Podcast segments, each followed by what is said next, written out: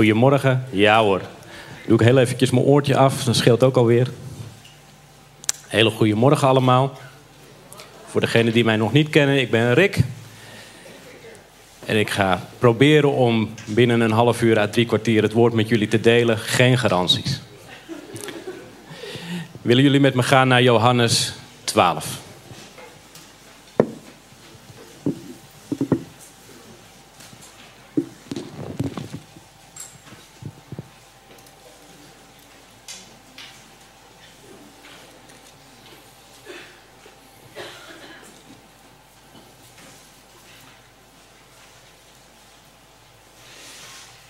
Als je een Bijbel mee hebt, Johannes 12.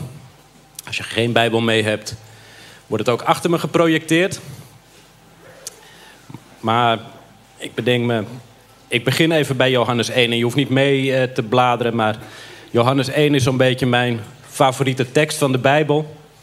Ik denk nu, dit past heel mooi als een soort inleiding op de prediking voor Palmzondag. Een paar versen uit Johannes 1 eerst. In het begin was het woord en het woord was bij God en het woord was God. Dit was in het begin bij God. Alle dingen zijn door het woord gemaakt. En zonder dit woord is geen ding gemaakt dat gemaakt is. In het woord was het leven en het leven was het licht van de mensen. En het licht schijnt in de duisternis en de duisternis heeft het niet gegrepen. Een paar versen verderop staat: En het woord is vlees geworden en heeft onder ons gewoond. En wij hebben zijn heerlijkheid gezien. Een heerlijkheid als van de enige geborene van de Vader, vol genade en waarheid. Een heerlijkheid. En dan ga ik naar Johannes 12.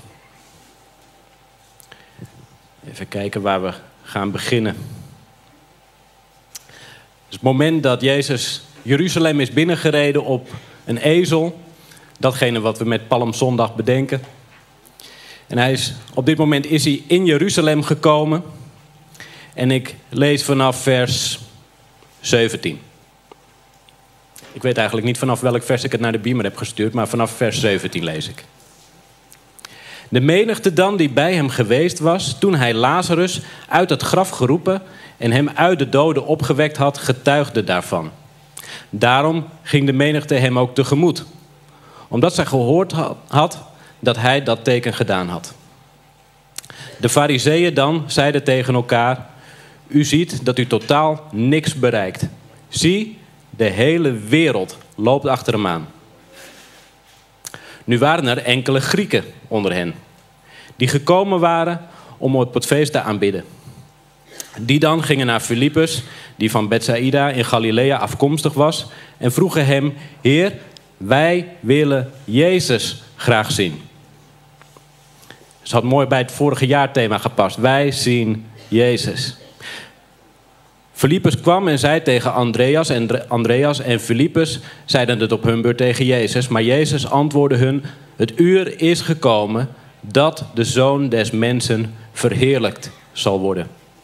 Voorwaar, voorwaar, ik zeg u, als de tarwekorrel niet in de aarde valt en sterft, blijft hij alleen.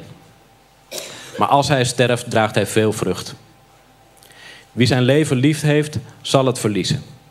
En wie zijn leven haat in deze wereld, zal het behouden tot het eeuwige leven. Als iemand mij dient, laat hij mij volgen. En waar ik ben, daar zal ook mijn dienaar zijn. En als iemand mij dient, zal de Vader hem eren. Zover. Vader, het is uw woord en uw woord is waarheid en het woord is onbreekbaar. Heer, en in uw woord is kracht. Heer, we hebben u aanbeden en we voelen uw aanwezigheid. U bent zo aanwezig, u bent zo aanwezig, Heer.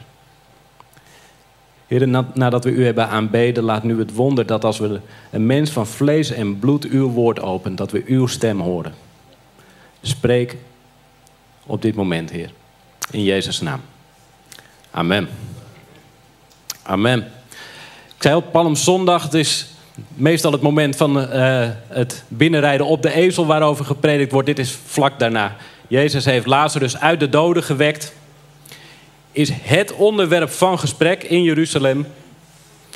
En komt op de rug van een ezel Jeruzalem binnenrijden.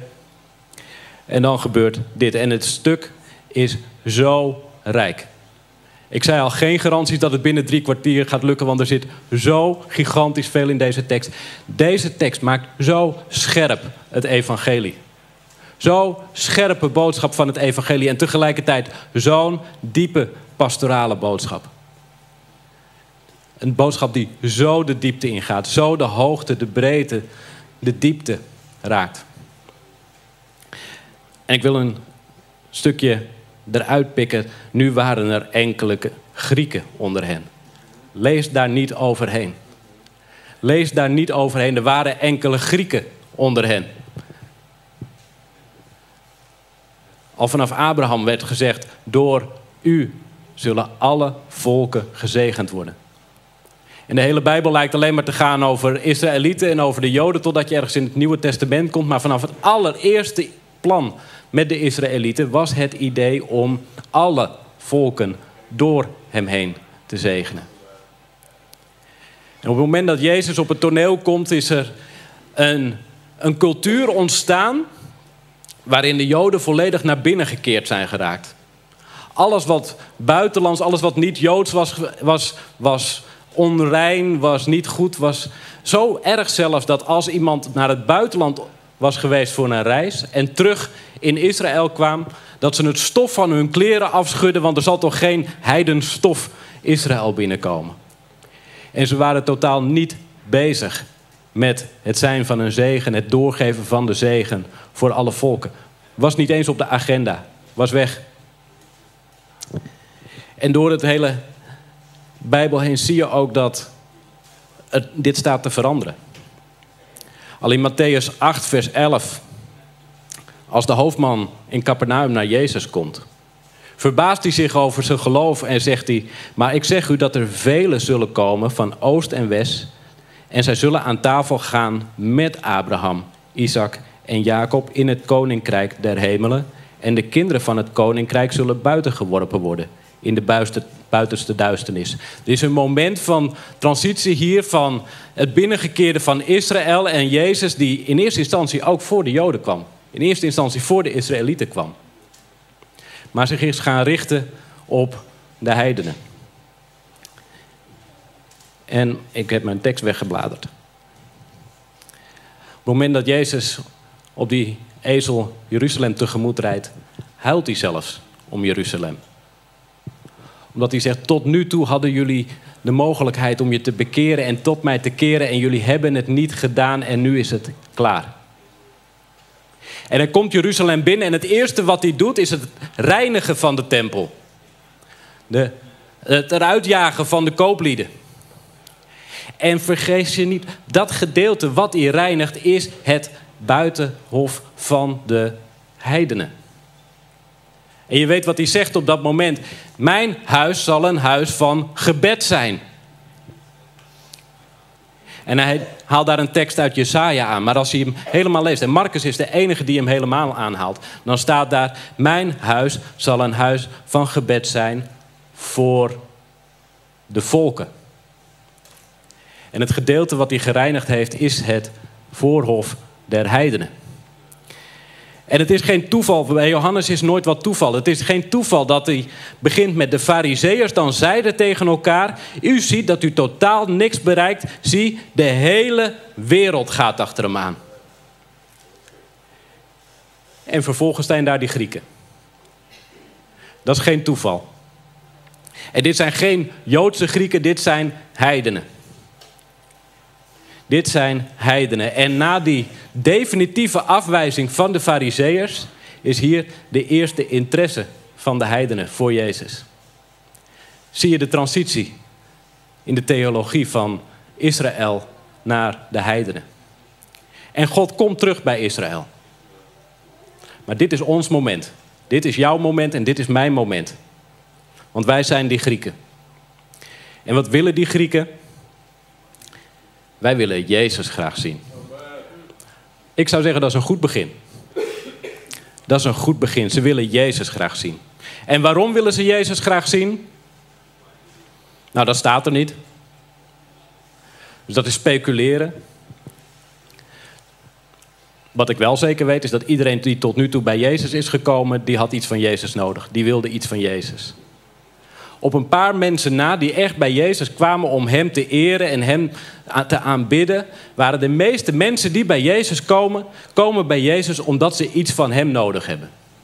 Een wonder, een woord, een teken, een antwoord op een vraag. En het is speculeren en dat moeten we misschien niet doen, maar er staat in ieder geval niet dat deze Grieken ziek waren en een wonder nodig hadden. Wat ik wel weet is dat op dit moment de opstanding van Lazarus het gesprek van de dag was. En misschien komen ze wel met hem, met, bij hem met allemaal vragen. En één ding weet ik zeker. Als jij bij Jezus komt, dan heb je al je vragen klaar. Ergens heb jij al in je hoofd wat je aan Jezus zou vragen als je oog in oog met Hem zou staan. En meestal zijn het vragen zoals: waarom? Of waarom niet? Want ik heb gebeden en waarom dan toch? Waarom staat Lazarus op uit het graf terwijl mijn vrouw, man, zoon, dochter. Waarom die wel en waarom bij mij niet? Want ik heb ook gebeden. Waarom niet? Waar was u toen? Dat soort vragen. En ze willen Jezus zien. En ze gaan eerst naar Filippus, die zich blijkbaar niet zo zeker voelt, want hij gaat eerst naar Andreas en niet direct naar Jezus, maar samen komen ze bij Jezus. En wat zegt Jezus? Het uur is gekomen dat de zoon des mensen verheerlijkt zal worden. Voorwaar, voorwaar, ik zeg u, als de tarwekorrel niet in de aarde valt en sterft, blijft hij alleen. Maar als hij sterft, draagt hij veel vrucht. Sorry? De, de vraag was of deze mensen u mogen ontmoeten. Was dit het antwoord? Ja, dat is het antwoord, want er staat, maar Jezus antwoordde hun. Heb je het gevoel dat deze Grieken nu antwoord hebben gehad? Stel je voor dat je Filippus en Andreas bent en je mag terug naar die Grieken. En die Grieken zeggen, en, willen jullie ons ontmoeten? Uh, nou, ik, ik denk, ik denk, ik, je weet wat een tarwekorrel is, toch? Als je, als je die in de grond stopt en, en. Nee, ik denk dat hij het druk heeft. Is dit nu het antwoord op de vraag die zij gesteld hebben? Wij willen graag Jezus zien. En hij zegt dit. In de rest van mijn preek wil ik proberen uit te leggen dat ja, dit is het antwoord op hun vraag. Dit is exact het antwoord op hun vraag. Want wat is het precies wat hij zegt? Hij zegt: Het uur is gekomen dat de zoon des mensen verheerlijkt zal worden. En hij zegt: Voorwaar, voorwaar, ik zeg u, als de tarwekorrel niet in de aarde valt en sterft, blijft hij alleen. Maar als hij sterft, draagt hij veel vrucht. Tot nu toe heeft hij in het Johannesevangelie meerdere keren gezegd: Het is nog niet mijn uur. Het allereerst op die bruiloft, waar het water in wijn verandert en eigenlijk niet wil en zegt: Het is nog niet mijn uur. En meerdere keren laat hij zien wie die is, maar wil hij nog niet dat het verhaal naar buiten gaat, want het is nog niet zijn uur. En nu, voor de allereerste keer, zegt hij: Dit is het uur. Dit is het moment. En het moment dat de zoon des mensen verheerlijkt zal worden. Als hij daar was gestopt, was het ontploft. Want dit is precies wat mensen wilden horen. Ze hebben hem binnengehaald op die ezel waar hij impliciet zei: Ik ben de koning. En hier zegt hij expliciet: Ik ben de koning. Want dit is Daniel 7. Waar de zoon des mensen voor de oude vandaag komt. En zijn heerschappij zal voor eeuwig zijn. Dat is wat er in Daniel 7 staat. En dit is wat ze horen en ze zeggen: Yes, dit is het moment. Alleen hij gaat direct door en zegt: Voorwaar, voorwaar, ik zeg u. Want het heeft het over het uur van zijn verheerlijking. Maar wat opvalt is dat hij zijn verheerlijking niet ziet als iets wat hierna gaat gebeuren. Dit is het uur van de verheerlijking. En dat is niet alleen maar dat de heidenen naar hem toe komt. Dat is niet alleen maar zijn opstanding straks. Wat hij hier zegt is: Mijn uur van mijn verheerlijking is nu. Niet straks. Wat hij zegt is: Mijn uur van verheerlijking is niet iets wat na mijn lijden komt. Niet iets wat het gevolg is van mijn lijden. Het is niet dat ik moet gaan lijden zodat ik straks verheerlijk kan worden. Wat hij zegt is: in mijn moment van lijden is mijn verheerlijking.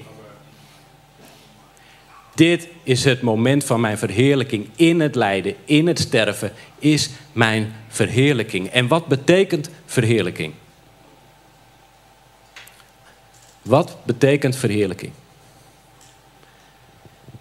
Als je op zoek gaat naar een definitie, dan kan ik je garanderen dat je heel veel tegen gaat komen. Want het is een verschrikkelijk moeilijk te vatten woord. Wat betekent het dat hij verheerlijkt gaat worden? Hoezo wordt hij verheerlijkt in het lijden? Allereerst is het de wil van de Vader die hij gaat doen. En hij zegt op een gegeven moment: Vader, verlos mij uit dit uur, maar hierom ben ik in dit uur gekomen. Vader, verheerlijk uw naam. Het is de wil van de Vader.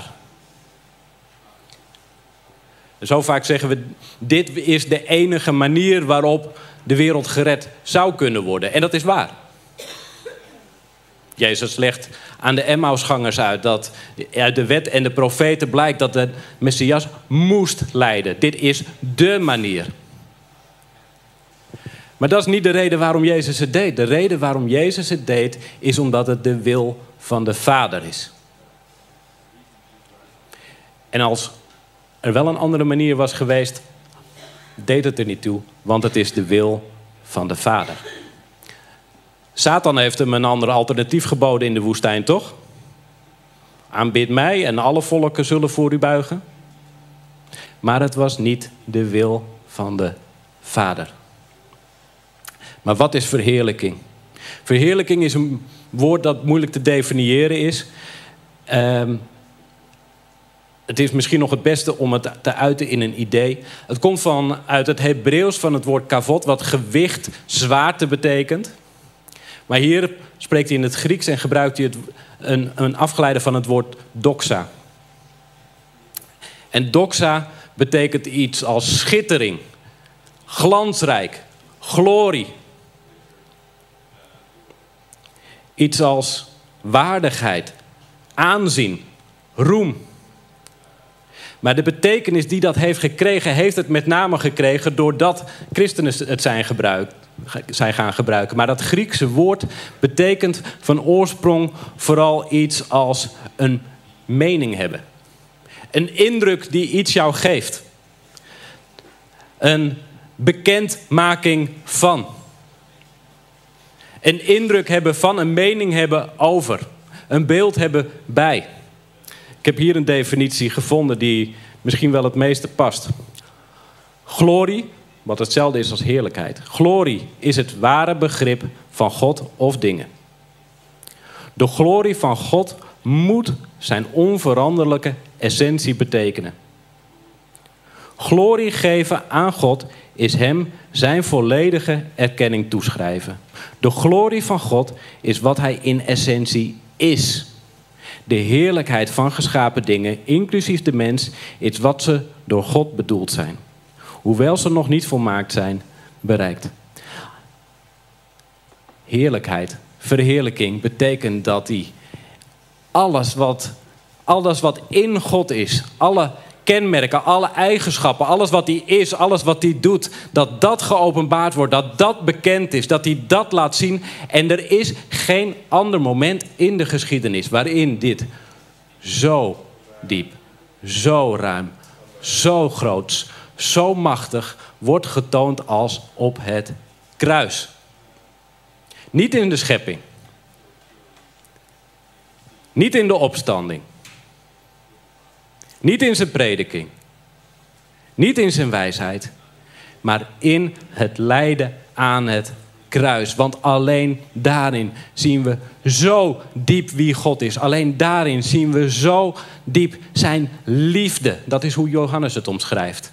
Al zo lief heeft God de wereld gehad, opdat hij zijn enige geboren zoon gegeven heeft. Maar niet alleen zijn liefde, we zien ook zijn woede. Zoals we in de zonvloed hebben gezien, zien we neerkomen op Jezus. En daarin zien we zijn gerechtigheid.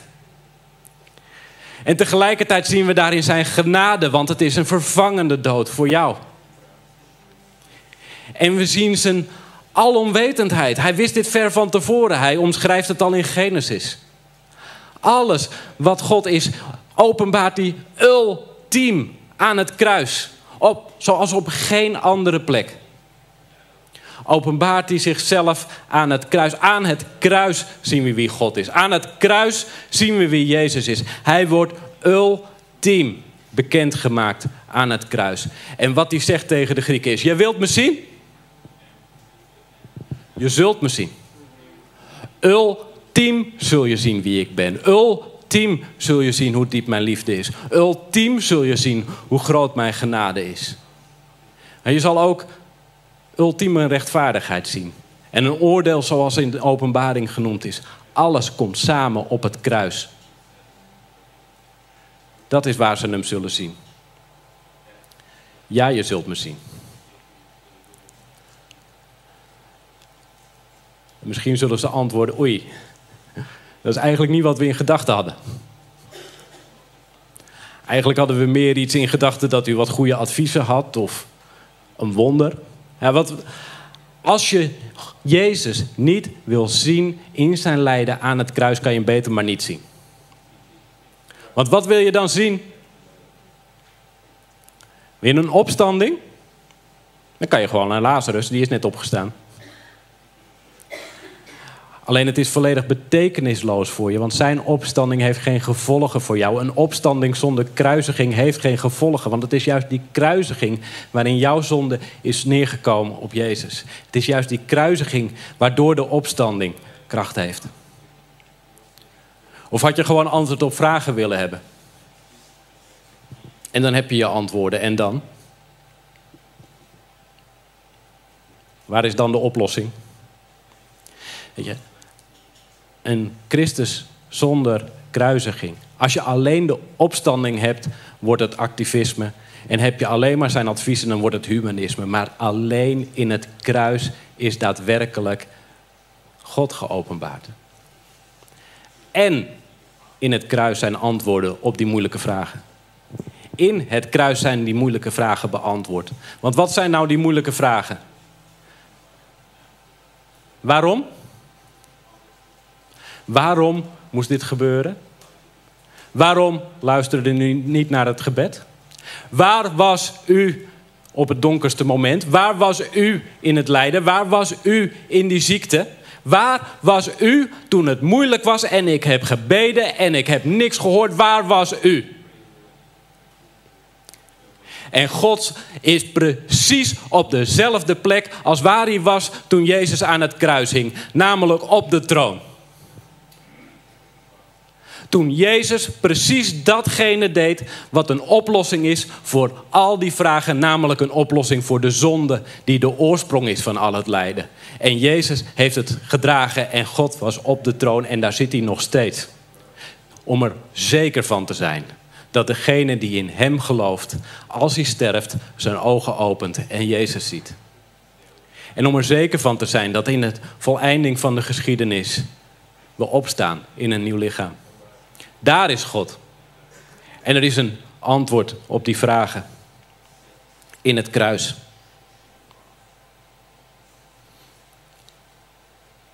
Die Jezus willen we zien. Die Jezus moeten we zien. Die Jezus willen we zien. Hoe kunnen we die Jezus zien? En hij geeft het antwoord. Volg mij. Is geen makkelijk antwoord. Hij zegt: Volg mij. Voorwaar, voorwaar, ik zeg u, als de tarwekorrel niet in de aarde valt en sterft, blijft hij alleen. Maar als hij sterft, draagt hij veel vrucht. Wie zijn leven lief heeft, zal het verliezen. En wie zijn leven haat in deze wereld, zal het behouden tot het eeuwige leven. Als iemand mij dient, laat hij mij volgen. Waar ik ben, daar zal ook mijn dienaar zijn. En als iemand mij dient, zal de Vader hem eren. Je wil Jezus zien? Volg hem.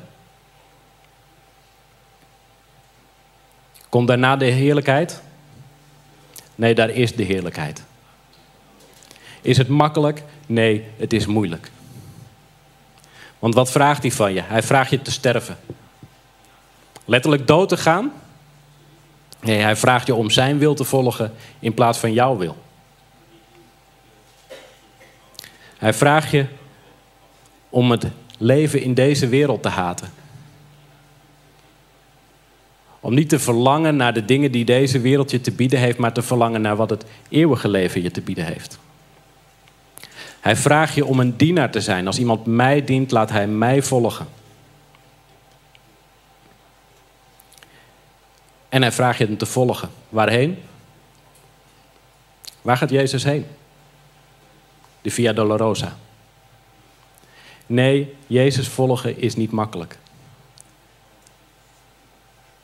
En hij belooft je niet dat hij daarna het mooie voor je heeft. Hij belooft dat er daarin zijn belofte is. Laat niemand zeggen dat Jezus volgen makkelijk is. Maar het is niet zonder vreugde en het is niet zonder heerlijkheid. Want al die dingen hebben zijn waarde. Want, wat zegt hij? Sterf.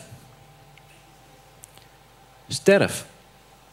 Maar als een tarwekorrel in de aarde valt en sterft, draagt hij veel vrucht. Hij belooft je vrucht.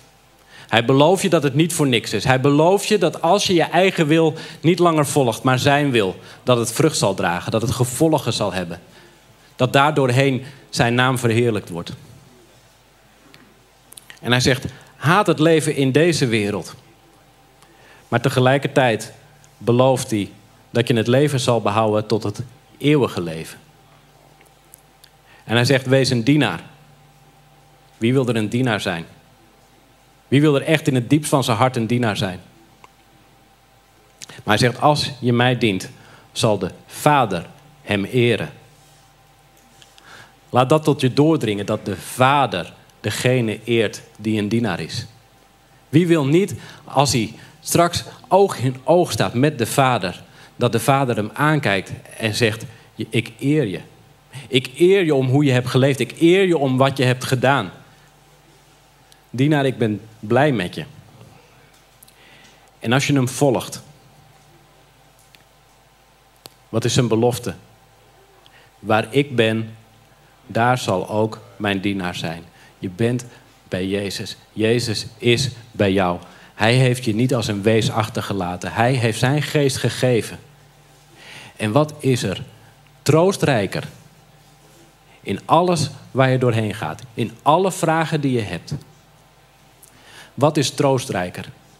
Om antwoorden te hebben of om te weten dat Hij bij je is? Of om te weten dat Hij dicht bij je is? De afgelopen jaren heb ik zoveel mensen gezien die door zo'n diep lijden gingen, die door zo'n moeilijke dingen gingen.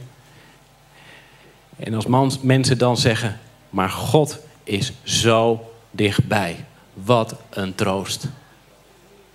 Die mensen zijn niet op zoek naar antwoorden. God is zo dichtbij.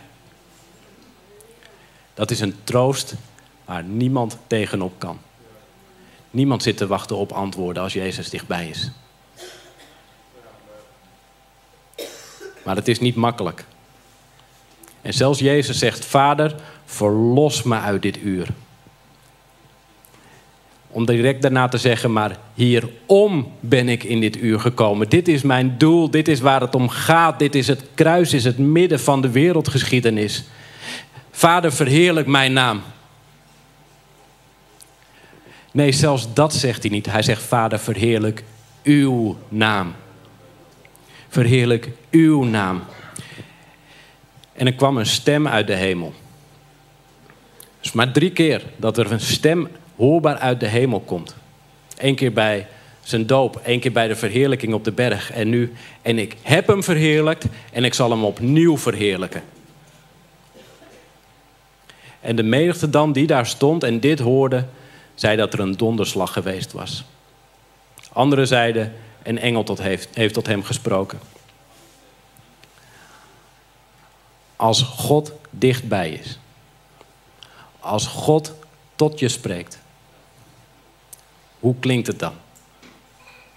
Hoor je een God die nabij is? Hoor je een God die zegt: Ik zal door jouw leven heen mijn naam verheerlijken? Of hoor je een donderklap?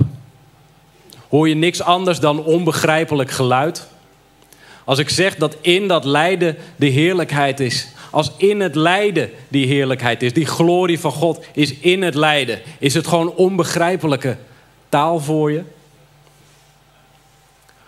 Of is daar de nabijheid van God?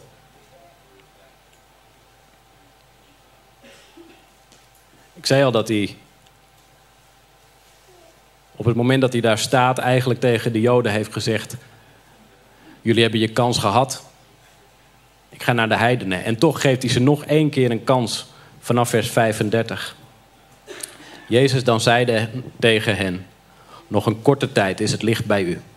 Het licht zoals in Johannes 1. Is het licht bij u. Wandel zolang u het licht hebt. Opdat de duisternis u niet overvalt. En wie in de duisternis wandelt, weet niet waar hij heen gaat. Zolang u het licht hebt, zolang ik hier ben, zolang je mij ziet, zolang je mijn stem hoort, geloof in het licht. Opdat u kinderen van het licht mag zijn. Deze dingen sprak Jezus en hij ging weg en verborg zich voor hen. Ook in Matthäus zegt hij, en hij verborg zich voor hen. Verborg zijn aangezicht, ze herkenden hem niet meer. Lieve mensen, dit is het uur. Het uur is nu. Het licht schijnt. Geloof in Hem. Want dit is het uur waarin de Zoon verheerlijkt wordt. In jouw leven. Ook nu wordt Jezus verheerlijkt in jouw leven. Als je Hem volgt. Als je al die moeilijke dingen doet die Hij van je vraagt. Sterven aan je eigen leven. Hem volgen. Je leven in deze wereld haten. Hem dienen. Dan zegt hij: De Vader eert je. Ik ben bij je. En je krijgt eeuwig leven. Het is het zo waard. In Romeinen staat dat de, het lijden van deze tijd weegt niet op tegen de glorie die geopenbaard zal worden. Dit is de grootste glorie die we tot nu toe kennen, het kruis. Maar er komt een nog grotere glorie. Er komt dat moment dat we hem mogen zien van aangezicht tot aangezicht. En ik garandeer je dat je geen vragen meer hebt. Maar dat je zo blij bent dat hij dichtbij is. En het is zo makkelijk om vanuit Goede Vrijdag rechtstreeks door te preken tot Pasen. Maar dit is het moment in de geschiedenis. Dit is het kruis wat centraal staat in de geschiedenis. In jouw lijden is Hij dichtbij. In jouw lijden wordt God verheerlijkt. En er is geen beter moment om het avondmaal met elkaar te delen. Waarin ook zijn offer centraal staat, waarin zijn lijden centraal staat, zijn lichaam, zijn bloed. Laten we het avondmaal met elkaar gaan delen. Pascal, mag ik je vragen?